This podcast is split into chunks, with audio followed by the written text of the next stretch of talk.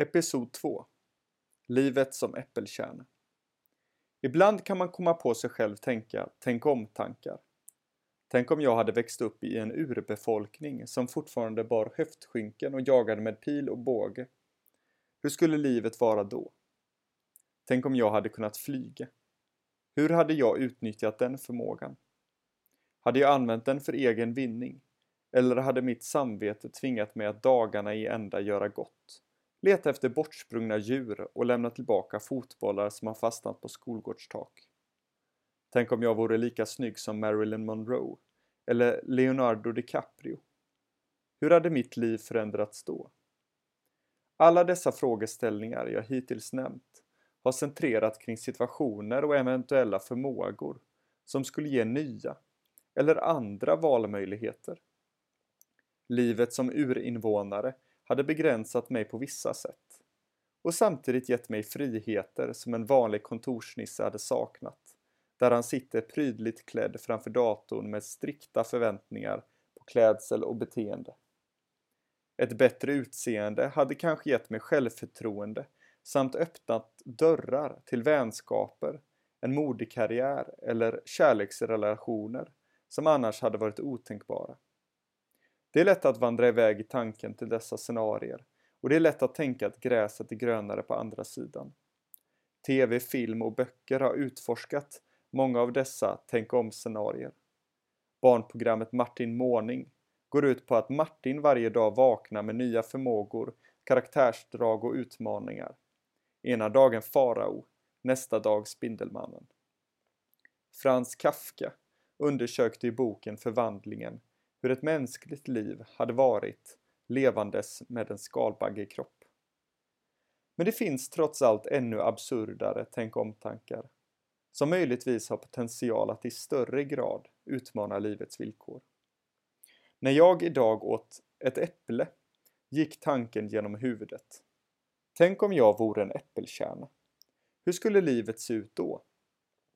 Äppelkärnan är passiv och har inga valmöjligheter. Dess framgångar är helt beroende av vad andra gör med den. Om jag hade varit en äppelkärna hade jag varit föräldralös. Jag hade bott i ett kärnhus tillsammans med mina tre eller fyra syskon. Hela min värld hade samtidigt varit en vagga, som varit hela mitt liv. Trångt, men behagligt bekant. Fruktköttet hade omslutit mig och tryckt sig tätt intill och äpplet hade utgjort det rundkantiga klot som jag hade vilat i. Om jag hade varit en äppelkärna, vad hade varit mina framtidsutsikter och livsmål? Kanske ett långt liv? Eller att få planteras i god jord och vara upphovet till ett nytt äppelträd med nya äpplen och kärnor. Jag tror att mitt liv som äppelkärna framförallt skulle kretsa kring ett uppdämt behov av att vilja synas. Jag hade suttit fast i kärnhuset med en längtan att få behaga andra och drömt om att mitt liv till slut skulle få bidra till något som kan få växa och bli större än mig själv. Något andra kan ta del av. Men det finns många olika öden för äppelkärnor där ute i världen. Vissa dör redan innan de hinner växa till. Andra faller i torr jord och trasas sönder av väder och vind. Vissa äts upp av djur och människor.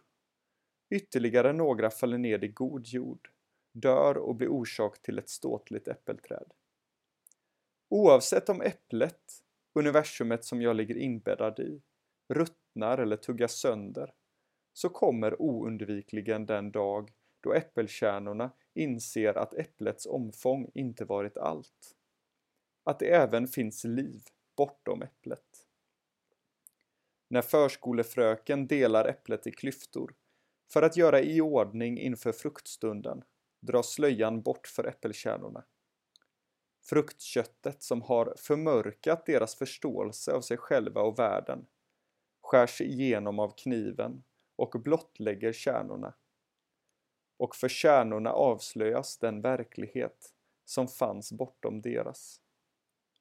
När äppelklyftan sedan förs mot munnen av ett hungrigt barn och äppelkärnorna närmar sig döden, en frätande död i barnets magsaft, så tänker jag att det ändå inte kan sluta att le. Äppelkärnorna har fått en inblick i det sammanhang i vilket de har varit en del av. Den meningslöshet som präglat hela tillvaron är bortblåst. Och återblickande på sina liv fylls det med en mening i efterhand.